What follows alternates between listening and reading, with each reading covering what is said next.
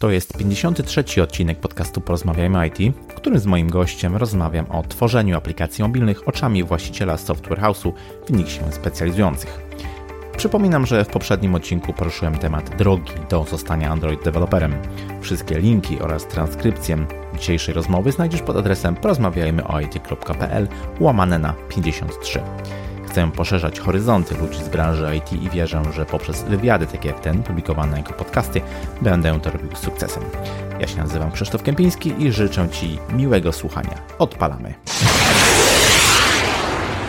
Cześć, mój dzisiejszy gość to CEO Escola SA, software house'u specjalizującego się w tworzeniu aplikacji mobilnych.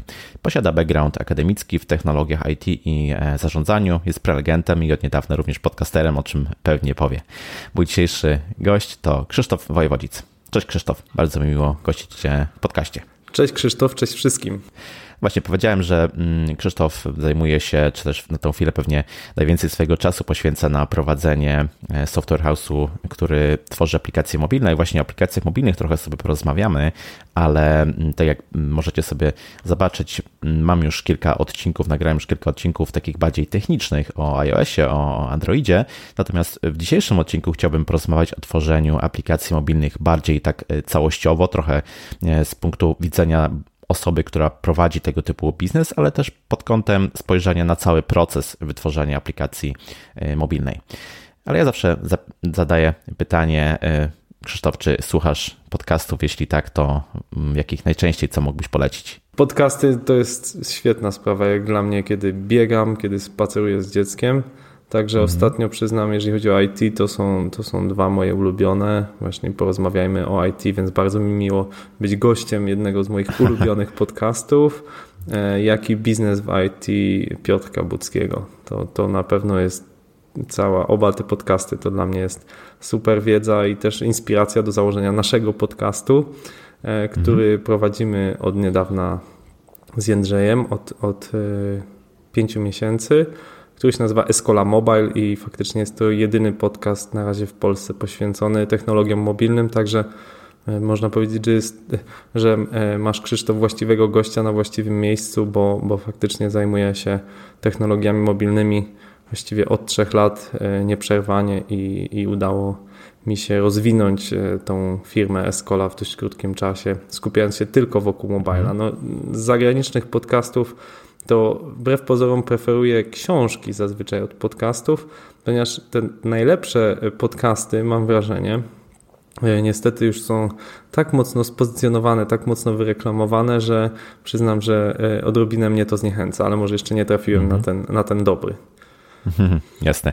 Ja waszego podcastu e, słucham też, doceniam. Jest to też dla mnie możliwość rozszerzania właśnie wiedzy, jeśli chodzi o y, mobile. Mm, w odcinku, w notatkach tego odcinka oczywiście zalinkujemy, a też y, zapraszam do, do tego, żeby w aplikacji, w której słuchacie podcastów, wyszukać sobie y, podcastu Escola.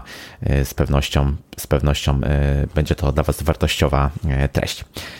Ok, to co? Przechodzimy do tych aplikacji mobilnych. Na początku Chciałbym Cię zapytać, skąd w ogóle wynika e, fenomen aplikacji e, mobilnych? Czy to jest taka realna potrzeba użytkowników, e, którą próbuje się zaspokoić, czy może jest to raczej element takiego prestiżu dla firm, że po prostu warto mieć swoją aplikację mobilną, natomiast no, jest to raczej element taki dodatkowy do biznesu. Co Ty o tym myślisz?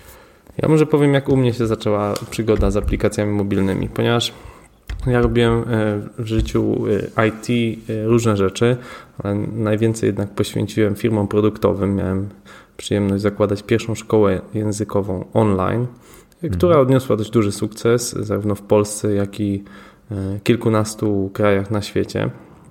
I w 2013 roku, żeby promować naszą szkołę języka online, no to zrobiliśmy aplikację. No i wyobraź sobie nasze zdziwienie, kiedy w krajach tak egzotycznych jak Meksyk, Kanada, e, egzotycznych z poziomu wrocławskiej firmy, -hmm.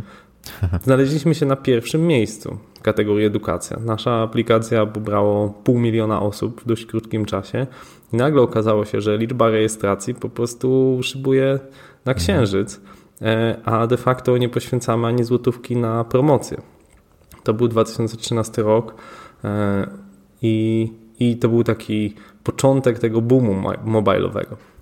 Mhm. Potem tą firmę sprzedałem, natomiast kiedy wróciłem do biznesu IT już jako właściciel software house'u, E, kupiłem cztery, może być takie małe brandy, małe software house'y. No i także patrzyłem, które z nich się bardziej rozwija. Czy te związane z e, animacjami, z technologiami frontendowymi, webowymi, czy mobilnymi. No i wrzucając nowych klientów w Excela i dotychczasowych klientów, znowu mhm. wyniki jasno wskazały, mobile to jest to w roku 2016. No i właściwie do dzisiaj nic się nie zmieniło. Mobile jest dla mnie po prostu zjawiskiem rosnącym, ale, ale nie tylko dla mnie. Jeżeli popatrzymy na statystyki, choćby e, ruchu w internecie, mobile versus desktop, czy wydatki choćby w e-commerce, mobile versus desktop, widzimy, że te wzrosty są ogromne po stronie telefonów. Dlaczego tak się dzieje? Dlatego, że jest to urządzenie, które mamy cały czas przy sobie. 95% czasu jesteśmy w odległości mniej niż metra od naszego telefonu. No bo zazwyczaj nawet kładąc się spać, odkładamy go na szafkę nocną i jest bardzo blisko nas. Mhm.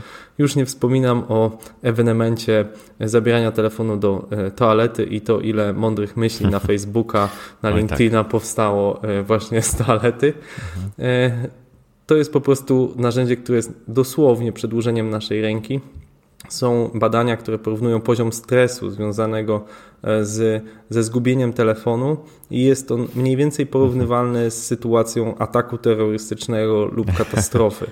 E, ludzie po prostu czują, jakby utracili kontakt ze światem, kontakt ze swoimi znajomymi, mają takie bliskie odczucie tak, e, nie wiem czy pamiętasz e, określenie PC już teraz rzadziej używane, mhm. personal computer, tak, że to, to, jest moje, tego nie powinno się ruszać, tak. to jest osobiste.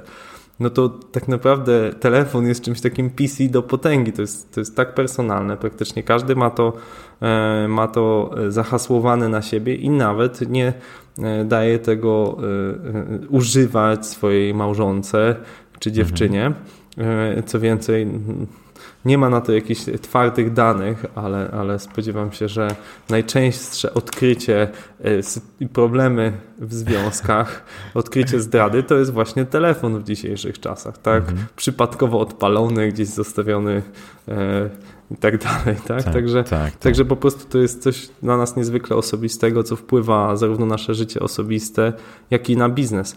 A, a jak już mówimy o, o, o styku życia osobistego i biznesu, to coś, co mnie najbardziej fascynuje w mobilu jako zjawisku, jest właśnie zmiana nawyków e, użytkownika. Co mam na myśli przez zmianę nawyków? Pewnie 10 e, lat temu e, powiedziałbyś swojemu dziecku: Nigdy nie wsiadaj e, do samochodu, nie, za, nie, nie, nie daj się zagadać obcym mhm. ludziom. A dzisiaj, tak. kiedy chcesz, żeby twoje dziecko wróciło do domu, to powiesz im: No to weź Ubera. Czyli de mhm. facto pozwalasz swojemu dziecku wsiąść z obcą osobą, która nie ma kwalifikacji do prowadzenia tego auta, nie zna miasta, często nie zna języka. I godzimy się na to. To jest, to jest ogromna zmiana nawyku. Na Airbnb nauczyliśmy się e, rozmawiać, e, wynajmować mieszkania od też totalnych nieznajomych, bez e, żadnych ubezpieczeń, gwarancji, statusu mhm. tego. No ale internet i, i, i, te technologie mobilne dają nam takie niezwykłe poczucie bliskości, tak? że, że na BlaBlaCarze mhm. wsiądziemy z nieznajomym do auta, na Uberze, w Airbnb będziemy spać u nieznajomych. Dokładnie. Czy nie da się powiedzmy inaczej o tym powiedzieć jak o fenomenie właśnie, tak jak tak powiedziałeś, ma to liczne implikacje na to, w jaki sposób się zachowujemy, w jaki sposób e, żyjemy. Myślę, że do tego tematu jeszcze e, wrócimy. Ja chciałem jeszcze e, pociągnąć jak gdyby pod taki rys trochę historyczny, to w jaki sposób te aplikacje mm, się kształtowały, bo no niekiedy spotykam się właśnie z aplikacjami mobilnymi, które są takim E, można powiedzieć, biednym kuzynem e, innego pełnoprawnego produktu, najczęściej aplikacji webowych, bo z tym pewnie mamy e, do czynienia. I chciałem Cię zapytać właśnie tutaj pod kątem doświadczeń, które macie jako Escola, czy to jest częsty przypadek, że ta aplikacja mobilna jest takim dodatkiem, czy też może jest raczej odwrotna tendencja, odwrotne podejście do tego, żeby najpierw powiedzmy stworzyć aplikację mobilną, od tego jak gdyby rozpocząć tworzenie biznesu albo na tym oprzeć tworzenie biznesu i dokładać inne klocki jako kontynuację właśnie tej, tej, tej pierwotnej myśli?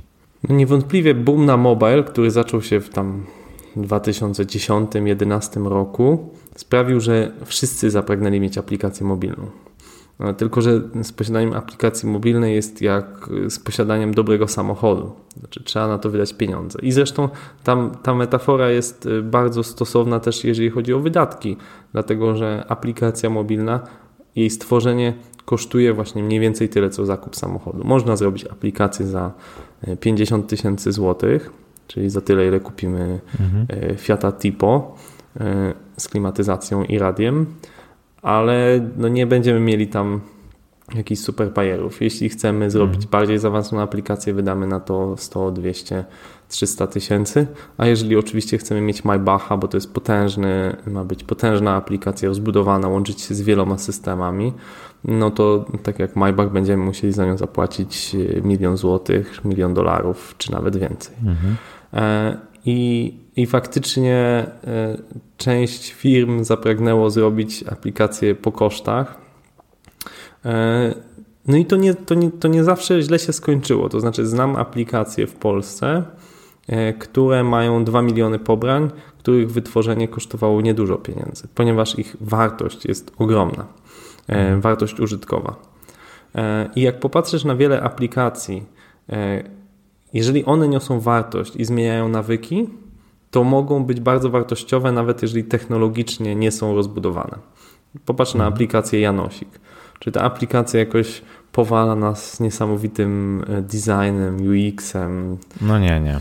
Nie, ale ona spełnia swoją funkcję. No nie chcemy płacić mandatów, a dużo osób w Polsce e, chce jeździć niezgodnie z przepisami. Tak? Mhm. E, dalej, nie wiem, aplikacja kupony, jest wiele aplikacji, które po prostu ściągamy z względów użytkowych bardziej niż technologicznych.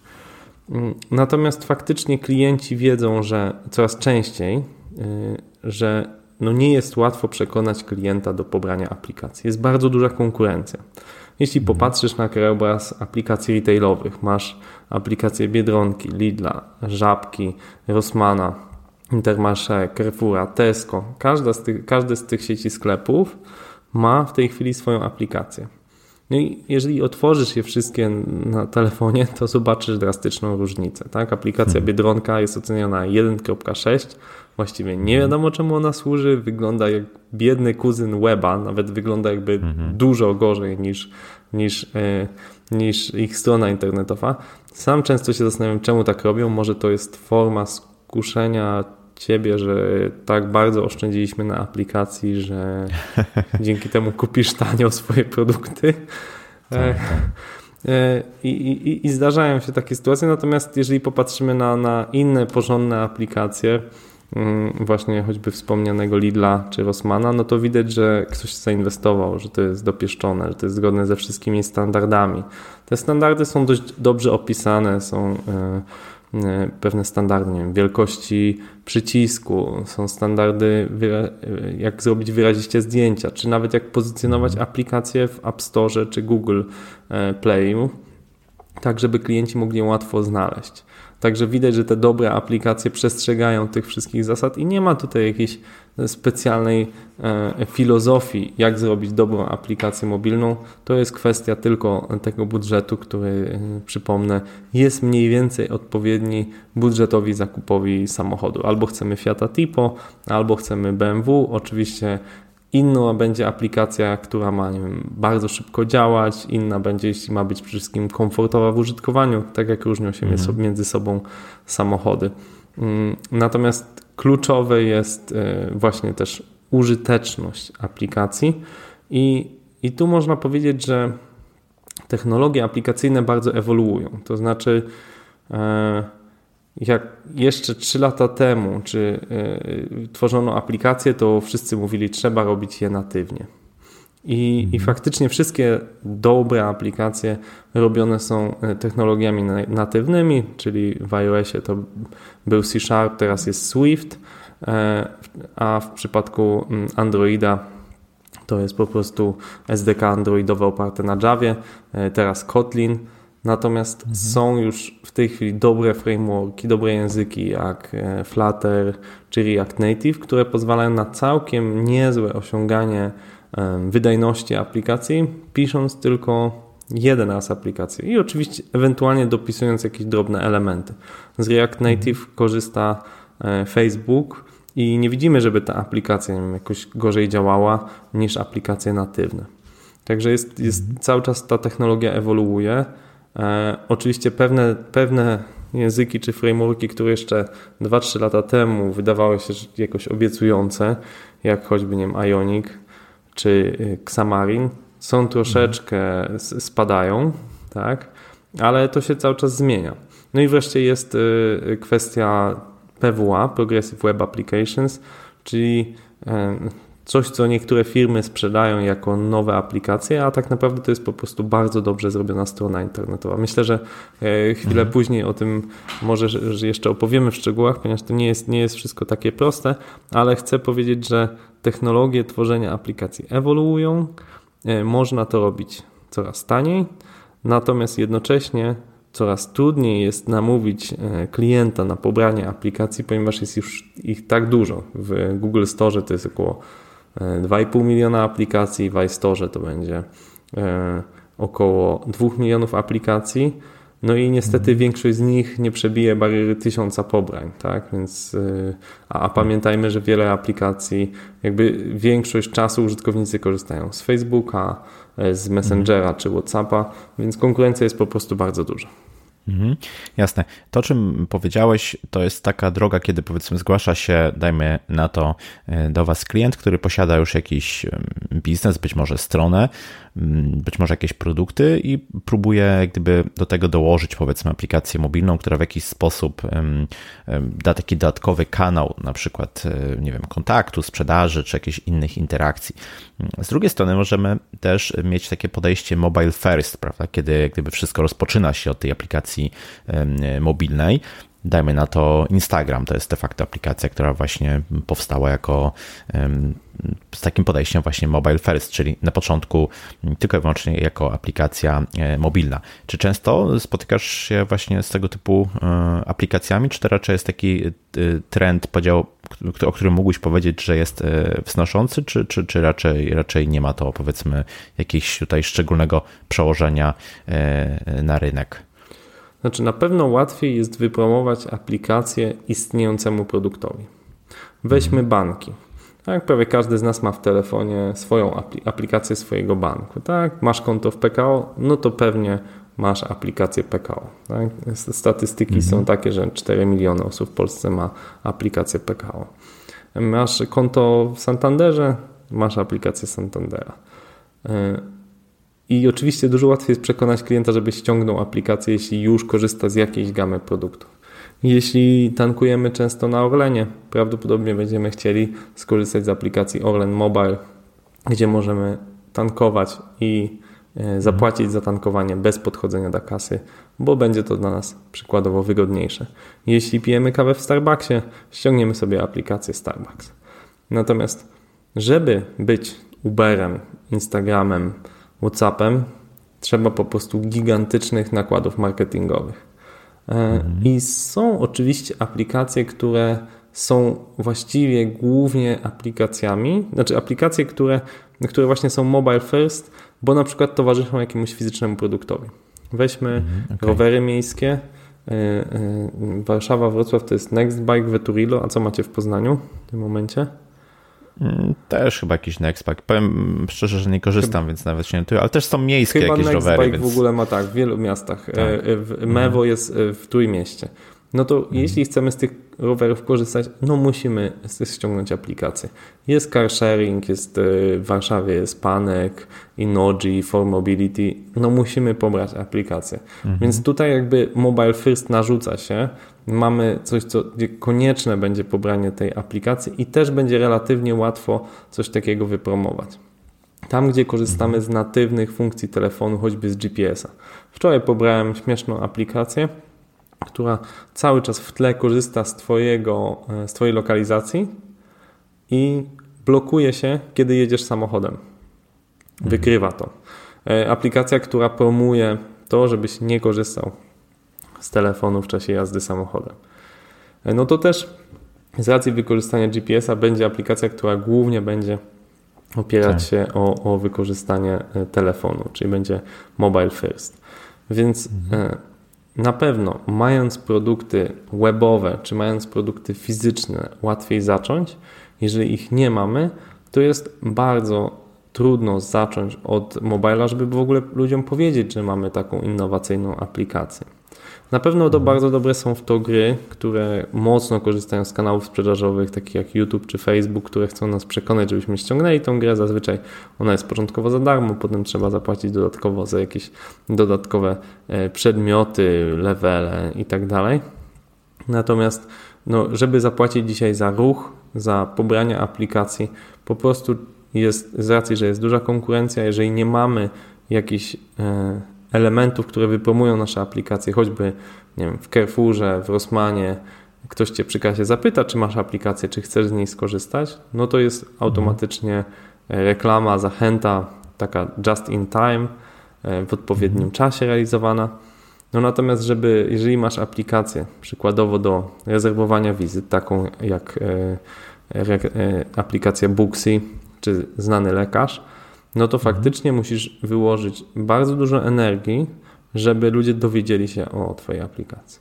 To teraz e, z punktu widzenia e, software house'u, który prowadzisz, gdybyś mógł tak e, powiedzieć, jak wyglądają takie podstawowe etapy tworzenia aplikacji mobilnej, powiedzmy, kiedy zgłasza się do Was klient, po finalny produkt, który można później mm, ściągnąć sobie z, z, z jakiegoś e, stora.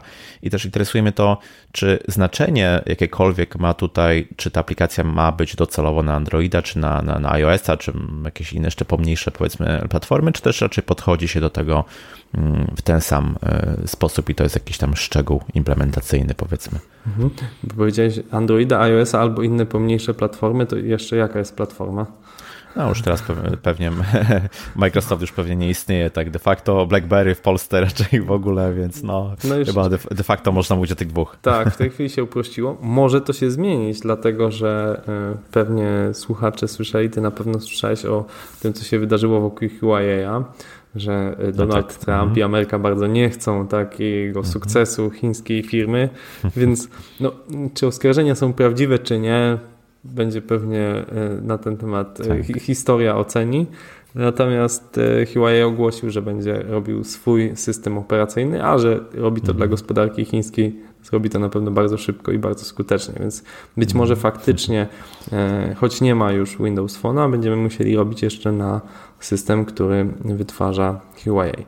Póki co mamy Android i iOS i faktycznie zdarzało się, że robiliśmy dla próby na przykład najpierw aplikację iOS-ową, jeżeli odniosła mhm. sukces, to robiliśmy Androidową lub vice versa. W tej chwili okay. faktycznie w procesie developmentu stosujemy takie podejście, że zazwyczaj troszeczkę e, e, nadganiamy na przykład jedną platformę albo robi, a potem drugą. W tej chwili właśnie mhm. kończymy w tym tygodniu taką aplikację dla dużej sieci sklepów, i tam faktycznie Android był gotowy już dwa miesiące temu, natknęliśmy się na pewne problemy, nauczyliśmy się pewnych rzeczy, w związku z tym nadgoniliśmy potem iOS-a. Dzięki temu klient oszczędził troszeczkę e, pieniędzy, my oszczędziliśmy trochę czasu w trakcie mhm. developmentu. E, natomiast standardowo robi się już w tej chwili na, na oba te systemy. Jeżeli nie ma jakiejś wyraźnej dyspozycji, to, to zawsze idą one równolegle. Szczególnie tak jak wspomniałem, jeżeli wykorzystujemy technologie takie jak Flutter, React Native czy Xamarin, no to jakby dzieje się to w sposób automatyczny. Na końcu po prostu czary mary i mamy już dwa, mhm. dwa systemy gotowe. Także, także te dwa systemy praktycznie zawsze idą w tej chwili równolegle lub w niewielkim odstępie czasu. E, jak wygląda mhm. proces tworzenia aplikacji mobilnej? Ja stosuję zasadę, którą nazywam zasadą świętej trójcy, czyli żeby każdy do, rozpocząć projekt, potrzebne są trzy dokumenty. E, zespół wymagań biznesowych, BRD, zespół wymagań e, funkcjonalnych, FRD i mhm. zespół wymagań technologicznych, TRD, czyli biznesowe, funkcjonalne i technologiczne mhm. wymagania. Zazwyczaj nad biznesowymi pracuję ja i analityk, czyli dogadujemy się z klientem, co właściwie chce osiągnąć. czy jeśli robimy aplikację, która choćby jest tak jak robiliśmy nie tak dawno temu, aplikację promującą picie wody dla grupy żywiec no to mhm. dogadujemy się, co chcemy osiągnąć, tak? Chcemy promować picie wody, chcemy gdzieś przemycać produkt, chcemy gdzieś wykorzystać jakieś e, animowane ludziki kojarzące się z danym brandem. Dalej, e, co chcemy osiągnąć w sposób funkcjonalny, tak? Czy to ma być bardziej gra, czy mają być jakieś ekrany, czy to ma być jakiś system administracyjny. Tak, jakby to można szczegółowo opisać. Mhm. Zazwyczaj pojawia się jakiś zestaw ekranów, mock-upów, gdzie ustalamy, co właściwie ta aplikacja ma robić. Tak? Już, już pokazując ekrany, mhm. opisy tych ekranów. No i na końcu mamy zespół wymagań technologicznych, czyli ustalamy, z jakimi systemami będziemy się łączyć. Czyli jeżeli aplikacja jest złożona, no to trzeba podopinać różne systemy do tego, e, popodłączać jakieś API e, i ustalić, w jakiej technologii będziemy robić. Czy będą to technologie natywne, czy właśnie technologie e, hybrydowe. I to znajduje się mhm. też e, w dokumencie technologicznym. Jeśli mamy wymagania biznesowe, funkcjonalne i technologiczne, możemy startować dopiero projekt. Oczywiście nie zawsze klient jest gotowy. Często przychodzi z briefem kilkustronicowym mhm. albo nawet półstronicowym i ma pewną koncepcję aplikacji. Wówczas spotykamy się na warsztaty i dopracowujemy w ciągu e, jedno, dwu, czasami tygodniowych warsztatów to, co faktycznie chcemy osiągnąć, jakie cele biznesowe, jakie cele funkcjonalne. Zaczynając oczywiście w tej kolejności, ponieważ nie ma co rozmawiać o technologii, o wyborze frameworku czy doborze bibliotek, jeśli nie wiemy, co chcemy zrobić. To jest, to jest kluczowe. Tak? Większość klientów, Jasne. którzy zamawiają, to są klienci biznesowi. Zdarzają się oczywiście zamówienia stricte technologiczne. W tej chwili pracujemy nad takim bardzo zaawansowanym projektem, który jest alternatywą dla przeglądarki Chrome bazuje jakby na pewnych silnikach tam, ale ma wiele jakby odstępstw e, i tam odpowiadamy za część androidową. To jest bardzo technologiczny projekt, gdzie samo zadanie, które musieliśmy zrobić, żeby wejść do tego projektu, to jest projekt e, międzynarodowy, gdzie jest wiele centrów nad tym pracuje, no to musieliśmy sporo się namęczyć, chyba z dwa tygodnie rozwiązywaliśmy zadania, żeby się zakwalifikować do tego projektu. Okay. E, no więc wtedy akurat no, nie interes, jakby założenia biznesowe mniej nas interesowały niż technologiczne, no ale można powiedzieć, że to był wyjątek potwierdzający regułę. Zazwyczaj, kiedy przychodzi korporacja, taka jak, nie wiem, Żywiec, Coca-Cola, Bank Santander, chce ona określić, co chce osiągnąć biznesowo, Potem bardzo szybko jest dogrywane, co ma być osiągnięte funkcjonalnie i zazwyczaj e, już na nas zdaje się, jakie technologie do tego trzeba zastosować. No oczywiście, jeżeli to jest bank, to ma swoje wymagania związane z bezpieczeństwem, e, z zastosowaniem pewnych bibliotek i wtedy oczywiście też trzeba uwspólnić wersję, żeby tutaj nie naruszać tego, co klient stosuje. Mhm. Lub też ma już jakieś wytworzone dotychczas kody, ma doświadczenie w tym zakresie, no i ma pewne preferencje, tak? Na przykład, żeby to był mhm. Xamarin, ponieważ pracujemy, cały projekt jest w dotnecie, będzie troszeczkę bliżej technologicznie, będzie bliższy sobie stack technologiczny, no więc ustalamy, że akurat tą aplikację chcemy w Xamarinie. Później, jak rozumiem, kiedy takie dokumenty są już e, powiedzmy ustalone, jest podpisana umowa, dochodzi do etapu e, developmentu. Tutaj domyślam się, że wygląda to podobnie jak w każdym innym software house, e, etap e, testowania, być może jakiegoś skramowego, mniej lub bardziej agile'owego podejścia. No w momencie, kiedy, kiedy taka aplikacja jako produkt, jako kod jest gotowa, to dochodzi do etapu publikacji, tak? Dokładnie. To znaczy, my bardzo chętnie pracujemy w metodykach zwinnych, ponieważ po prostu to usprawnia komunikację. Nawet jeżeli projekt jest hmm. Na określonej cenie, bo bardzo ważne do wyboru klienta jest, czy chce pracować na określonej cenie, tak zwany fixed price, czy chce pracować na podstawie rozliczenia czasowego. Jeśli mhm. rozliczamy się czasowo, to faktycznie mogę być bardziej elastyczny w zakresie określenia szczegółowo, czym jest projekt. E, I faktycznie, jeżeli projekt jest nie do końca określony, to wtedy lepiej rozliczać się na podstawie czasu. I zachęcamy zawsze klientów, żeby dość szybko szli na rynek i testowali go. Oczywiście nie mhm. można za szybko, bo pamiętajmy, że jesteśmy oceniani i nie chcemy dostać jednej gwiazdki za nieskończony projekt, hmm. tylko mhm. chcemy dostać od razu pięć. Więc tutaj trzeba dobrze wyważyć I takim dobrym podejściem jest faktycznie to, które znamy ze startupów, czyli znaczy z metodyki Lean Startup, Minimum Viable Product, czyli danie wartości dla klienta. Mhm. Przykładowo, Google Maps ma w tej chwili dość sporo funkcjonalności, z wielu z nich nie korzystamy. Nie wiem, choćby pobieranie map offline, czy jakieś wyznaczanie tras wieloetapowych, ale tak naprawdę mhm. 99% zastosowań to zabranie, klient, zabranie e, osoby z punktu A do B najszybszą drogą. I, mhm. i to jest MVP, tak? Chcę to jest dla mnie ta najważniejsza funkcjonalność, która obejmuje 99 na 100 przypadków. Oczywiście w miarę używania pojawiają się dodatkowe pomysły, choćby nie wiem, zabranie nas drugą alternatywną, bo akurat taka będzie preferencja użytkownika, zapisanie mapy online, wieloetapowe drogi i tak dalej, i tak. Unikanie na przykład opłat za autostrady. Natomiast kluczowe jest to, żeby znaleźć coś, co klienci docenią, co nawet będzie wiadomo w przyszłości rozbudowywane, ale już działa stabilnie i funkcjonalnie. Jasne. E, wspomniałeś, że uczestniczysz w takich rozmowach, powiedzmy, e, biznesowych na tym pierwszym etapie, kiedy mm, no, trzeba się dowiedzieć, po co tak naprawdę klient chce daną aplikację stworzyć. Później jest ten etap ustalania jakiegoś zakresu funkcjonalnego. Domyślam się, że obydwa te etapy mogą korzystać z różnego typu, powiedzmy, prototypowania takiej aplikacji, po to, żeby mm, oddać w jakiś sposób ten, ten pomysł lepiej niż właśnie, tak jak powiedziałeś, półkartki e, opisu pewnie lepiej jest to w jakiś sposób e, pokazać. Czy, czy, czy wy też korzystacie z jakichś takich narzędzi, rozwiązań, które umożliwiają zrobienie mm, w miarę szybko, powiedzmy, e, prototypu i później bazowania tym prototypie w dalszych rozmowach z klientem? E, tak, prototypujemy też aplikacje i to jest bardzo ważny etap. To znaczy, chociaż on mhm. stanowi tak naprawdę w cenie wytworzenia aplikacji czy czasochłonności, można powiedzieć, że około 10% to jest prototypowanie, około 70% kosztu to jest koszt pracy deweloperów, 10% to koszt zarządzania projektem komunikacji i 10% mhm. to testowanie. I e, faktycznie te pierwsze 10% są tyle ważne, że jeżeli e, nawalimy tutaj, schrzanimy robotę i coś źle zaprototypujemy, Aha. to potem coraz trudniej to odkręcić. No znaczy, tak. koszty odkręcenia na etapie testów porównaniu z kosztem odkręcenia na etapie o. prototypowania są dramatycznie różne. Jasne.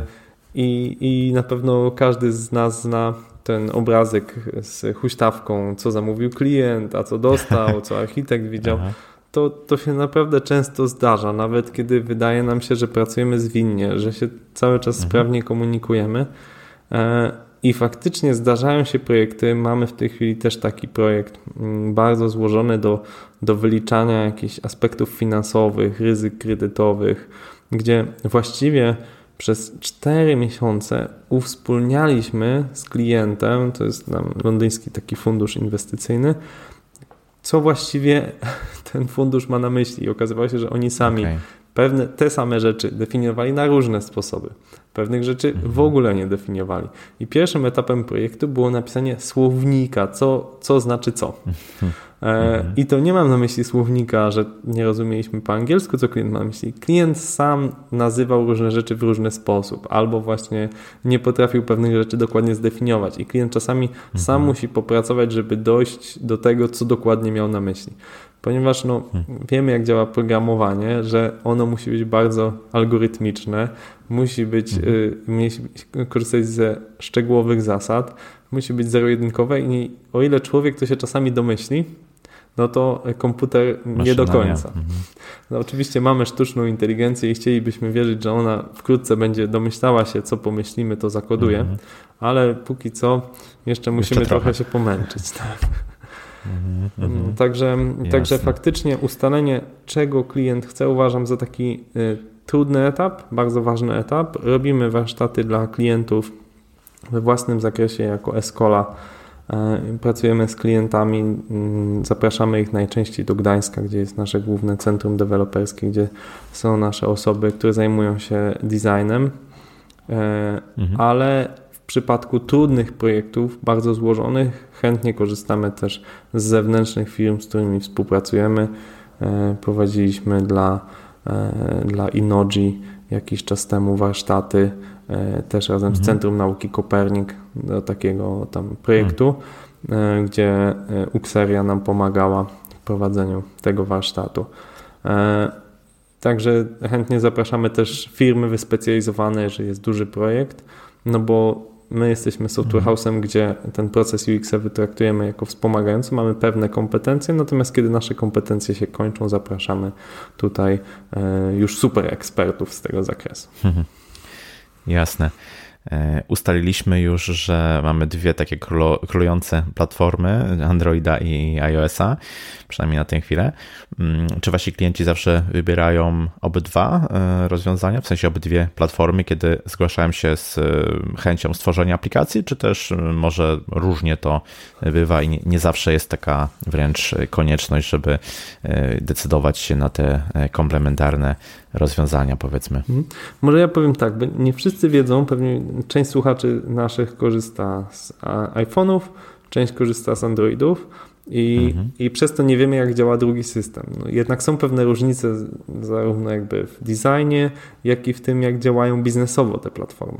Czyli iPhony to jest około 10% rynku, a mimo to ich użytkownicy wydają około połowę e, kwoty, jaka w ogóle jest wydawana w mobilu. Czyli jest to klient, e, dla którego, no mówiąc prosto, dobrze się pracuje. E. Drugi aspekt, dla którego dobrze się pracuje w iOSie, to jest to, że e, Androidów mamy tysiące modeli. Naprawdę, no, tych mhm. telefonów producentów jest cała masa i cały czas powstają nowe realizacje. Android jest platformą otwartą. Natomiast iPhone'ów, mimo że też zrobiło się już pewna gama, tak, mamy od iPhone'ów mhm. małych czterocalowych po te tak. E, X e, teraz jest e, Pro, 11 Pro Max, tak, tak. czyli 6,5 calowy iPhone. Więc jest trochę mhm. tych typów, niemniej jednak dalej proporcje rozdzielczości są zachowane w ramach tej gamy, co wiele ułatwia designerom. Mhm. Z Androidami jest gorzej, bo różnią się rozdzielczości, różnią się wersje systemów.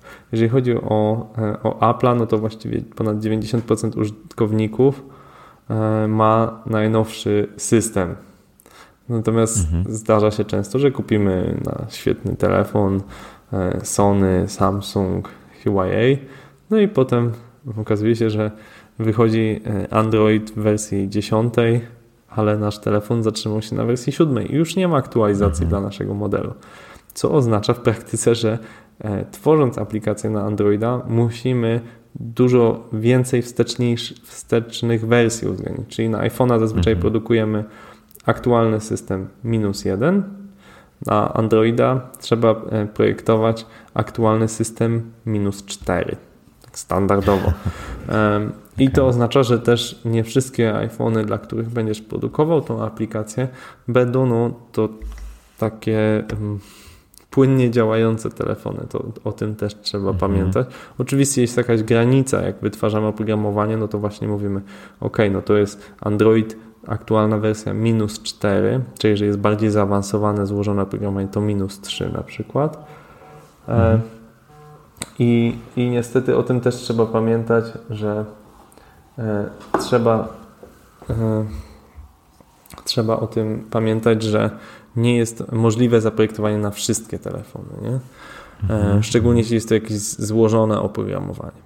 A czy wobec tego wasi klienci, powiedzmy, no nie wiem, mają jakieś E, preferencje, bazując na tym, co, co powiedziałeś, jak wygląda rynek, e, jakie wersje są używane, to, to, to jak gdyby co jest taką głównym kryterium wyboru dla Waszych klientów? Czy oni generalnie chcą mieć aplikację mobilną, która będzie działać no nie wiem, na większości być może platform, czy też chcą właśnie ze względów jakichś prestiżowych być, nie wiem, na iOSie, co, by, co mógłbyś wskazać jako takie znaczy, główne preferencje? Praktycznie zawsze chcą być klienci na obu platformach, natomiast jakby zawsze mhm. negocjujemy zasięg versus performance, tak? zasięg versus okay. wydajność. Jeśli zależy nam na dużym zasięgu, no to niestety nie możemy tam zrobić jakichś super barierów. Jeśli zależy nam mhm. na e, mm, na, na, na niesamowitej wydajności tej aplikacji, no to niestety musimy się pożegnać z możliwością tego, że ta aplikacja będzie miała duży zasięg. Nie? Wspomniałeś też o właśnie Samarinie React Native. E, czy, czy próbowaliście takich e, hybrydowych rozwiązań? Czy to jest coś, co widzisz, że powiedzmy rośnie, jeśli chodzi o, o rynek? Tak, no, jakbyś tutaj tak. mógł ocenić? Rośnie, rośnie niesamowicie. Powiedziałbym, że React Native teraz jest najczęstszym e, frameworkiem hybrydowym, który mhm. stosujemy, ale nawet nie wiem, czy określenie hybrydowym jest w tej chwili dobre, dlatego że React Native okay. produkuje nam faktycznie natywne aplikacje. E, jeśli mhm. na tym dobrze piszemy, to jesteśmy w stanie oszczędzić sporo, czasy, sporo czasu, sporo pieniędzy dla klienta. Xamarin mhm. też robiliśmy w tym projekcie. Nie jesteśmy do końca fanami tego, tego frameworku, tego języka. E, mhm. Z jednego powodu, takiego dla mnie biznesowo-strategicznego, jest to e, rozwiązanie Microsoftowe. Microsoft niestety nie wykazał się szczególnie, jeśli chodzi o mobile. E, I mhm. faktycznie nie jestem pewien, czy utrzymanie tego akurat tego Xamarina będzie w długim okresie korzystne dla klientów. Bo jeżeli patrzę na mhm. środowisko Facebooka, e, WhatsApp, tam jest Instagram, to jest firma, która no, żyje z mobila, jest, rozwija tak. własnego React Native'a i cały czas pracuje nad tym. Przez pewien czas nawet właśnie rozwijała swój e, tak zwany fork, swój, swój sforkował się ten projekt, czyli rozwijali jakby swoją mhm. wersję tego React Native'a, ale to już się połączyło, także jakby dobrze dla wszystkich. E, Facebook pracuje na wszystkich, też dla Escoli, rozwijając mhm. to, ten, e, ten tak. język. Na pewno jeszcze ciekawym i takim rosnącym językiem jest Flutter i Flutter mhm. jest oparty o język Dart, y, google'owe rozwiązanie. I Flutter bardzo mocno chce też jakby konkurować z React Native'em. Jest to relatywnie jeszcze nowy język y, i nie jestem pewien, czy warto w to wchodzić, natomiast y, też przymierzamy się do projektu. Mhm. Tak. Mhm. No całkiem sporo się właśnie ostatnio o, o, o Flutterze e, mówi głównie w środowiskach e, IT, głównie osób gdyby od strony technicznej mhm. odpowiedzialnych mm, za realizację mhm. E, aplikacji mobilnych. No i też jestem, jestem ciekaw. Myślę, że dobrze, że mamy powiedzmy alternatywy, bo to zawsze też no, tak mobilizuje tak. rynek. Za dużo alternatyw mobilizuje. nie jest dobrze, natomiast konkurencja tak. jest zdrowa, choćby konkurencja właśnie Android, iOS jest zdrowa. Uważam, że konkurencja mhm. React Native, Flutter co w ogóle jest ciekawe dla mnie osobiście, jako obserwatora tego rynku, jest to, że popatrz, jak niesamowicie upodabniają się do siebie języki. To znaczy, e, e, nie wiem, Swift 5 opiera się na tym, że właśnie ma być taki wizualny, ma być taki łatwy, lekki, bardzo obiektowy. I okazuje się, że Google wypuszcza Fluttera i jak jest Flutter lekki, wizualny, tak. bardzo obiektowy, ma nawet podobną składnię. Bardzo. Więc no to jest, to jest, e, okazuje się, że dobre praktyki są powielane. No tak jak e, korzystając mhm. z metafory samochodowej, jeżeli został wprowadzony ABS czy pasy, no to wszystkie inne marki mhm. będą powielały to dobre rozwiązanie Pewnie. z korzyścią dla klientów, żeby pozostać konkurencyjnym i podobnie jest w językach programowania. Mm, wspomniałeś o tej mnogości platform sprzętowych, e, konfiguracyjnych, e, konfiguracji powiedzmy e, sprzętu. Głównie tutaj myślę o, o rozwiązaniach androidowych, czy telefonach, które powiedzmy opierają się na, na Androidzie, ale no, ten line-up Apple'owy, jeżeli chodzi o, o mobile, też rośnie, coraz więcej modeli równolegle działających na rynku jest. Zastanawiam się wobec tego, w jaki sposób wy podchodzicie do testowania swoich aplikacji, jeśli taka szeroka gama sprzętu potencjalnego e, jest do sprawdzenia. No jest to, jest to zmora, przyznam, z mojej perspektywy jako osoba, mhm. która kupuje te sprzęty. No, jak w tym momencie nagrywamy ten podcast e, e, i siedzę tutaj przy biurku, to połowa tego biurka jest zajęta przez telefony. Różne. E, leży tu kilka modeli iPhone'ów i kilkanaście modeli Androidów.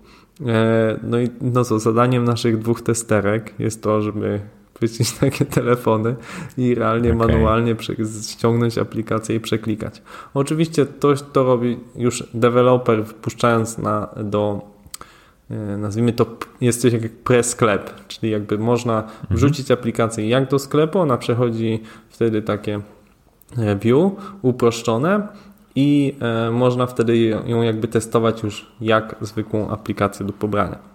Czy można dać wtedy mhm. klientowi, żeby potestował. No i Aha. po prostu testujemy wtedy te, te aplikacje na wszystkie możliwe sposoby. No oczywiście są też testy automatyczne, zaszywamy pewne testy jakby w kodzie e, do mhm. najbardziej takich popularnych i koniecznych funkcji.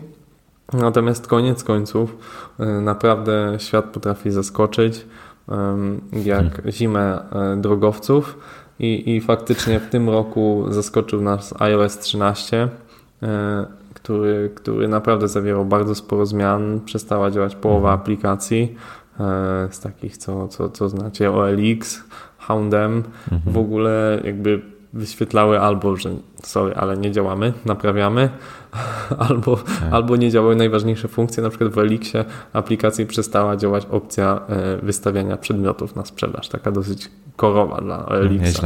E, I, I faktycznie zajęło, my akurat e, supportujemy jedną z aplikacji dla banku i mhm no i przyznam, że było to bardzo, bardzo, bardzo gorący czas dla zespołu deweloperskiego, który się tym zajmuje, no ponieważ aplikacja dla banku nie może przestać działać, e, no tak. a jeżeli już faktycznie przestanie, no nie z naszej winy, bo, bo pewne rzeczy nie dało się przewidzieć, no to trzeba mhm. dzień i noc pracować, żeby zaczęła jak najszybciej działać w pełnej funkcjonalności. E, tam Jasne. akurat była kwestia, problemy, że na przykład aplikacja wylogowywała użytkowników, mhm. tak? Jakby trzeba było się ponownie zalogować e, w trakcie mhm. jakby korzystania zbyt często co nie było jakimś tam krytycznym, jakby krytyczne dla bezpieczeństwa, czy, no ale była po prostu irytująca. No i klienci dzwonili do tak, banku, pytali, no. ej, co się dzieje, jakby tyle lat korzystam, nie było z tym problemu. No i tak mówię, no szukaliśmy, szukaliśmy, w końcu znaleźliśmy to rozwiązanie, no ale było to kilka ciężkich naprawdę nocy pracy dla nas, żeby to, to naprawić. No jasne. A tak jeszcze sobie przypomniałem, jak mówiłeś właśnie o iOSie, że nieraz zdarzają się takie zmiany dosyć drastyczne. No, Apple generalnie ma taką politykę, że raczej powiedzmy mobilizuje łagodnie rzecz mówiąc deweloperów, żeby używali zawsze tych, tych najświeższych wersji, ale też co powiedziałeś, czyli takie e, no, szybkie przyjęcie e, właśnie nowych wersji iOSa e, na, na, na, na telefonach powoduje, że gdyby mogą sobie na to pozwolić. No ale to jest jak gdyby e, no, temat no, pewnie wiesz, osobny. To jest czasem mhm. tak, że y, ja doceniam za to Apple'a, że oni wymuszają pewne zmiany na rynku. Co mam na mhm. myśli? Mhm. Ostatnio, od 10 lat y, mówi się, no powinna być architektura aplikacji 64-bitowa. Powinna być 64-bitowa, bo jest lepsza. No i nadal jest y, aplikacja, nie wiem, Photoshop, która ma oczywiście architekturę całą 64-bitową, ale ma tak. pewne komponenty 32-bitowe. No i y, Apple od wersji swojego systemu 10.15, to jest chyba Katlina, tak? Mówi, tak, tak, tak. e, ok, no nie będą działały aplikacje, które są 32-bitowe, no i po prostu e, krótkie nie, mówiliśmy o tym od 10 lat i basta, tak? No i okazuje się, że Photoshop tak. nie działa, co jest super irytujące dla klientów, ale z drugiej strony ma na tyle silną markę, ma na tyle duży wpływ na rynek, że ten Photoshop mhm. i wszystkie inne aplikacje będą musiały tutaj nadrobić. No wielka szkoda, bo choćby Wiedźmin, e, w którego grałem, też przestał działać e, i na pewno Wiedźmin, e, mam na myśli ten drugi Wiedźmin, druga część, no nie będzie tak, tak. już nadrobiona, żeby mm, pod, no, bo po no prostu jasne. się nie, nie będzie to opłacało. Nie opłaca. E, mhm. Więc no oczywiście są pewne tego skutki. Czy inny przykład, no jesteśmy przyzwyczajeni do standardu USB, teraz już 3.0, no ale mhm. nie oszukujmy się, że standard USB-C no, jeżeli chodzi o ten kształt, wydajność, performance tak. wygodę, jest po prostu dużo lepszy i chociaż jest to mhm. dla wielu użytkowników irytujące, no to widać trend w telefonach, że też przechodzą na USB-C i, i jest to dobry kierunek, który oczywiście jest wymuszany, ale Apple ma możliwość e, wymuszać takie rzeczy, także wymuszać pewne rzeczy e, w mobilu, jeśli chodzi o design. E, przypomnij mhm. sobie w Facebooku jeszcze parę lat temu na Androidzie był taki e, system menu, czy to z hamburgerem, czy na górze było mhm. menu, co było po prostu super niewygodne, no bo kciuka jednak mamy na dole, nim głównie operujemy i chcemy mieć wybieranie funkcji na dole. I, i, i Google długo się opierał, że no na górze, a Apple mówił na dole. I, I z czasem oczywiście ten standard, który był po prostu wygodniejszy, no, zwyciężył i, i, i bardzo dobrze. Tak? trochę powiedziałeś właśnie o utrzymaniu, o tym, że w momencie, kiedy pojawia się jakiś problem e, związany z nową wersją, powiedzmy, e, systemu operacyjnego i aplikacja przestaje działać, no to no trzeba w jakiś sposób sprawić, żeby ponownie zaczęła, zaczęła działać. I to utrzymanie jest jak gdyby często krytyczne dla firmy, która zamawia, zamawia mm, e, aplikację. Jestem ciekawy, jak to u Was wygląda, jakie, jakie praktyki powiedzmy stosujecie, ile, nie wiem, może wersji e, wstecz, e, obligujecie się przed klientem, że będziecie utrzymywać i na ile powiedzmy takie bieżące utrzymanie aplikacji stanowi istotną część, no nie wiem, waszego biznesu? No, uważam, że klient, który podpisuje też umowę wsparcia, jest klientem świadomym. Mam sporo mhm. problemów, jeśli klient się uprze, że faktycznie nie chce usługi utrzymania, bo ten klient prędzej czy później i tak wraca i jakby musimy ponownie wykonać wszystkie negocjacje, odkopać ten projekt, wgryźć się w niego, za co często klient zapłaci więcej. Domyślnie, jeśli e, kwota wytworzenia projektu to było, mm, przyjmijmy, 10 tysięcy złotych, to 1% e, z tego miesięcznie wynosi maintenance. Czyli e, mhm. dla 10 tysięcy złotych to będzie 100 złotych tak? Dla 100 tysięcy 1000 zł miesięcznie to jest tak bardzo przybliżona kwota e, maintenance'u. Czyli pod, mhm. podnoszenia wersji, jak wchodzi nowa wersja systemu. Nie obejmuje to oczywiście nowych funkcjonalności. Tak?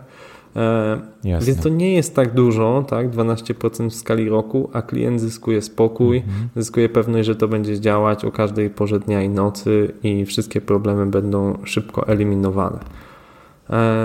Mhm. Także uważam, że maintenance jest, jest jakby powinien być czymś no, takim podstawowym, obowiązkowym. Oczywiście, jeśli wchodzą tam jakieś kwestie rozwojowe, no to, to wtedy się jakoś ustala taki pakiet maintenance'owy, SLA i tak dalej. Tak jak zresztą w każdym, w każdym innym oprogramowaniu. Okej, okay, czyli warto, warto po prostu o tym też myśleć od samego początku.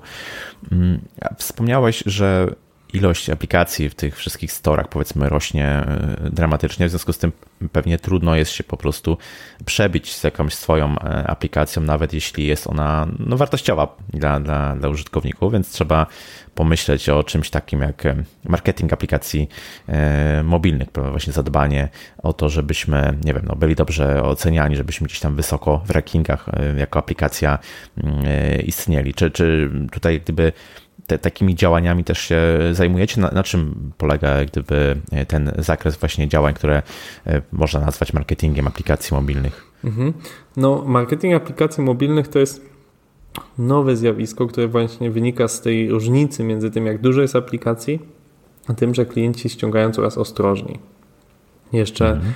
5-6 lat temu no ludzie sobie tak chodzili po tym Google Store czy App Store i patrzyli, o co by tu ściągnąć, bawili się tymi telefonami, mm. szukali jakichś pomysłów, ściągali jakieś absurdalne aplikacje typu I am rich, gdzie mogłeś za 990 dolarów sobie po prostu ściągnąć tapetę, która mówiła, że jesteś bogaty, że stać cię na głupoty, czy bardziej taką polską wersję, czyli kumpel do picia, która po prostu mówiła ci chluśniem, bo uśniem, albo tak. wypijmy. Poprzez po prostu klikanie w ten ekran mogłeś e, robić jakieś zabawne rzeczy. No teraz już ludzie nie ściągają takich rzeczy. Raczej starają się koncentrować na to, na, te, na wartości, jaka daje aplikacja. Mhm. E, w związku z tym faktycznie trzeba dbać o po pierwsze dobre umieszczenie aplikacji w sklepie. Naprawdę zdziwiłbyś się, mhm. jak mało aplikacji w sklepach które wydaje się 100 tysięcy, 200 tysięcy, 300 tysięcy na ich wytworzenie, ktoś nie poświęca ani grama uwagi, żeby zrobić ładne grafiki do tego, a nie po prostu mhm. screenshoty, żeby zrobić dobry opis, co ta aplikacja robi, żeby zrobić dobre e, metatagi do tego.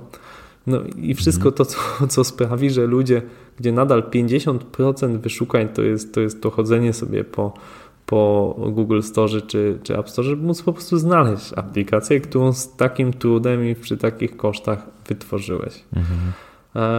No i dla mnie to czasami jest niewiarygodne. Tak? Świetna aplikacja, widać, że, że spory budżet poszedł i nie opisana w sposób należyty. I robiliśmy takie porównanie różnych aplikacji sklepów detalicznych, tak? Intermarché, Lidl, mhm. Carrefoury no, te aplikacje naprawdę sporo kosztowały, a czasami są opisane tak, jakby to zrobił jakiś student. Więc to jest pierwsza rzecz. Dobre opisanie aplikacji, dobre tagi, e, dobre grafiki.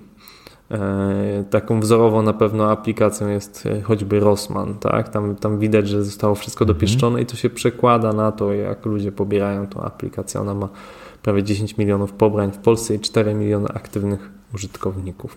Mhm. E, no i wokół tego są różne działania. Można oczywiście kupować płatne, takie jak znamy AdWordsy z weba, no to mhm. można kupować płatne reklamy aplikacji. E, można powiedzieć, że koszt pobrania aplikacji w zależności od efektywności tej kampanii takiej to będzie od złotówki, no kilku złotych, jeżeli jest jakiś bardzo złożony temat. Zdarza się to zoptymalizować nawet poniżej złotówki, znam takie przykłady.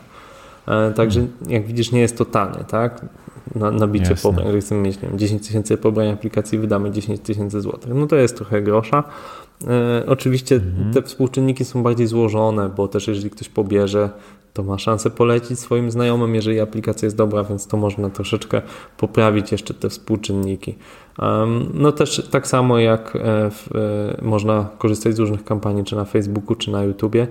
My wspieramy przede wszystkim w zakresie właśnie tej optymalizacji tego ASO, to się nazywa App Store Optimization, czyli wrzucenia dobrych screenów, dobrych opisów, dobrych metatagów. Mhm Natomiast już jakby takie szczegółowe kwestie marketingowe, podobnie jak kwestie UX-a, zostawiamy e, super ekspertom. E, współpracujemy i z firmą Spicy Mobile, i z firmą and More, które są naprawdę świetne w pozycjonowaniu, robią to od lat, wydają świetne raporty. Mm, tylko w ostatnie dwa miesiące właśnie wyszedł świetny raport E, More na temat e, pozycjonowania aplikacji mobilnych też bardzo polecam i Spicy Mobile wyszło e, też niedawno świetny raport o aplikacjach mobilnych, gdzie też miałem przyjemność napisać rozdział właśnie jak wygląda proces tworzenia aplikacji, jak napisać dobry brief na aplikację mobilną. Obecnie bardzo dużo się mówi, to są takie trendy nie tylko technologiczne, dużo się mówi o machine learning, o rzeczywistości rozszerzonej, wirtualnej rzeczywistości. To są takie tematy, które też y, wkraczają mocno właśnie w świat y, mobile, z tego co obserwuję. Czy według Ciebie jest to na razie, no nie wiem, jakaś taka y, ciekawostka, coś, co dopiero się rozwinie, czy też, no nie wiem, macie już może w Escola z tym, z tym do czynienia? Myślisz, że to są takie tematy, z którymi będziemy mieli coraz częściej do czynienia w świecie mobile? No, ta, ta rozszerzona rzeczywistość i wirtualna rzeczywistość to jest coś, co mnie osobiście jakoś fascynuje. Dużo, dużo na ten temat prowadzę, mhm. prowadzę wykładów. E, na, na różnych konferencjach. Natomiast to jest temat złożony. Po pierwsze, rzeczywistość wirtualna to jest e, zupełnie odrębny temat w kontekście mobila od rzeczywistości rozszerzonej. No jest jeszcze mieszana rzeczywistość.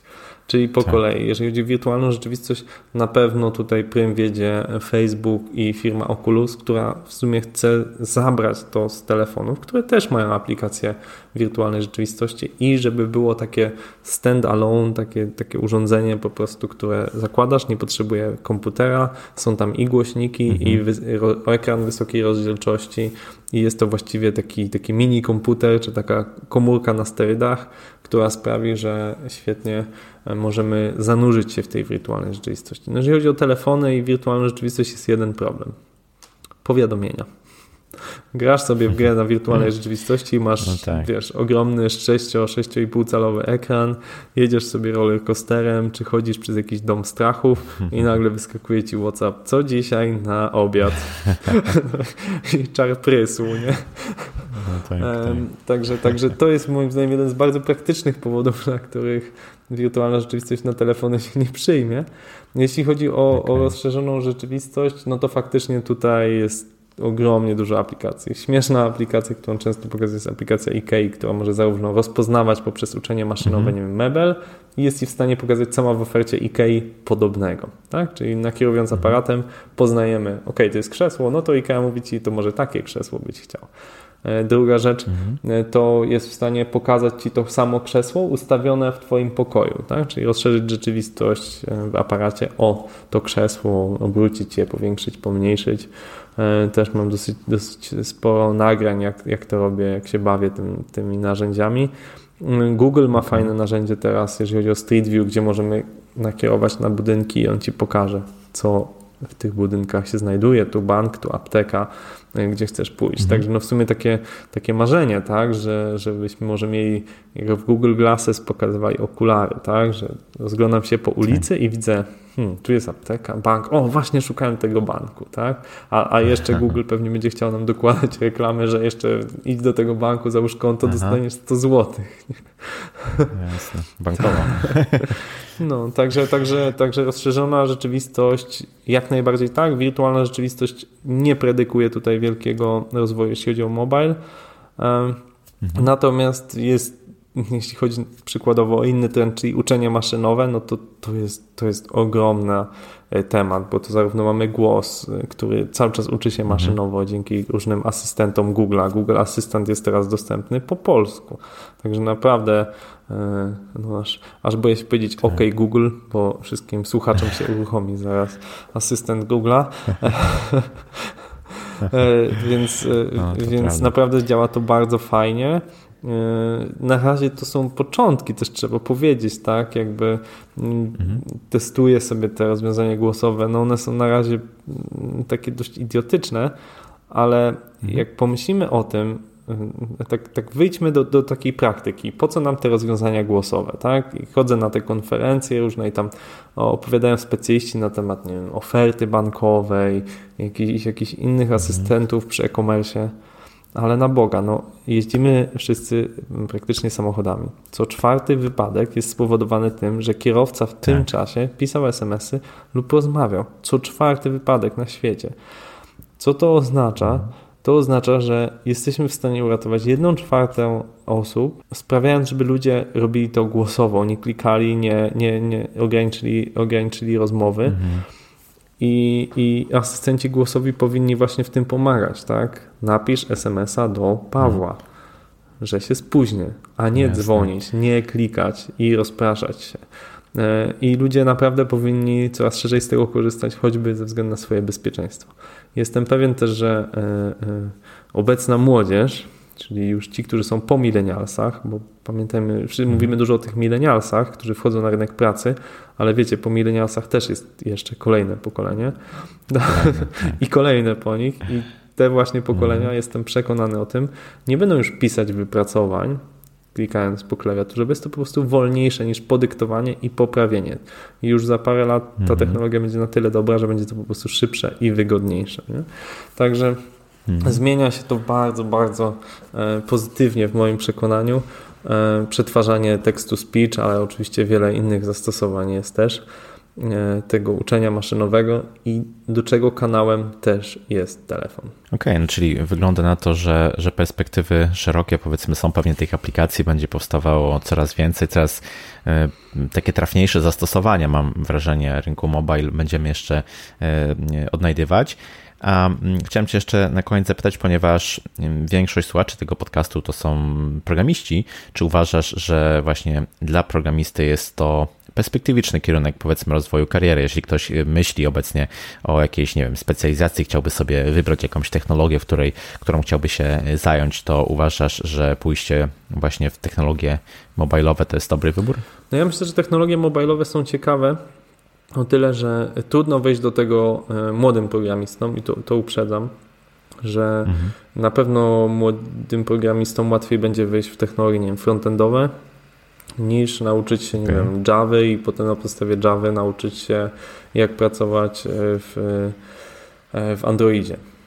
Oczywiście te technologie mhm. trochę ewoluują. Mamy Swifta, mamy Fluttera, które stają się troszeczkę prostsze do zrozumienia dla młodych programistów Niemniej no, mm, my właściwie no, nie mamy w Escoli żadnych programistów y, takich na stopniu juniorskim, nawet niewielu mamy na stopniu takim midowym. Y, mhm. Ponieważ jednak, no, może to jest też specyfika projektów, jakie robimy, tak? Robimy projekty, wspomniałem, bankowe, mhm. z branży paliwowej, z branży y, czy kopie jakby Chroma, no to są bardzo zaawansowane technologicznie projekty, no i, i młodym programistom trudniej się na pewno, na pewno w tym odnaleźć.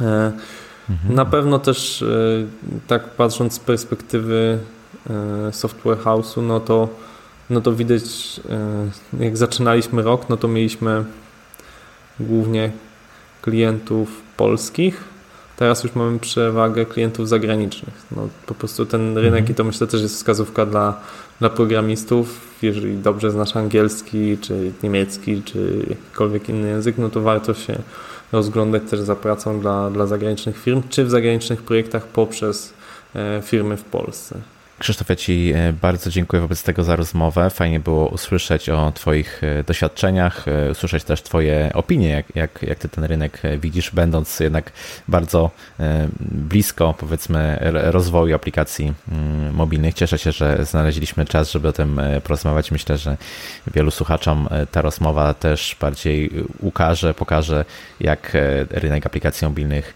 wygląda, jak się rozwija. Być może ktoś się zainspiruje i właśnie w tym kierunku pójdzie. Także jeszcze raz dzięki za mm, rozmowę. No i powiedz proszę, gdzie Cię można znaleźć w internecie. Ja bardzo zapraszam do kontaktu zarówno poprzez Facebooka, wiem, że wszyscy już teraz chcą iść w LinkedIna do kontaktów zawodowych, natomiast prawda jest taka, że mhm. na co dzień z LinkedIna korzysta w Polsce około miliona osób, mm, a z Facebooka 15 milionów więc cały czas mhm. uważam, że na Facebooku trzeba być obecnym też w kontekście biznesowym. Ja prowadzę swojego Facebooka w kontekście biznesowym i e, można mnie znaleźć na Facebooku Krzysztof Wojewodzic albo na LinkedInie Krzysztof Wojewodzic.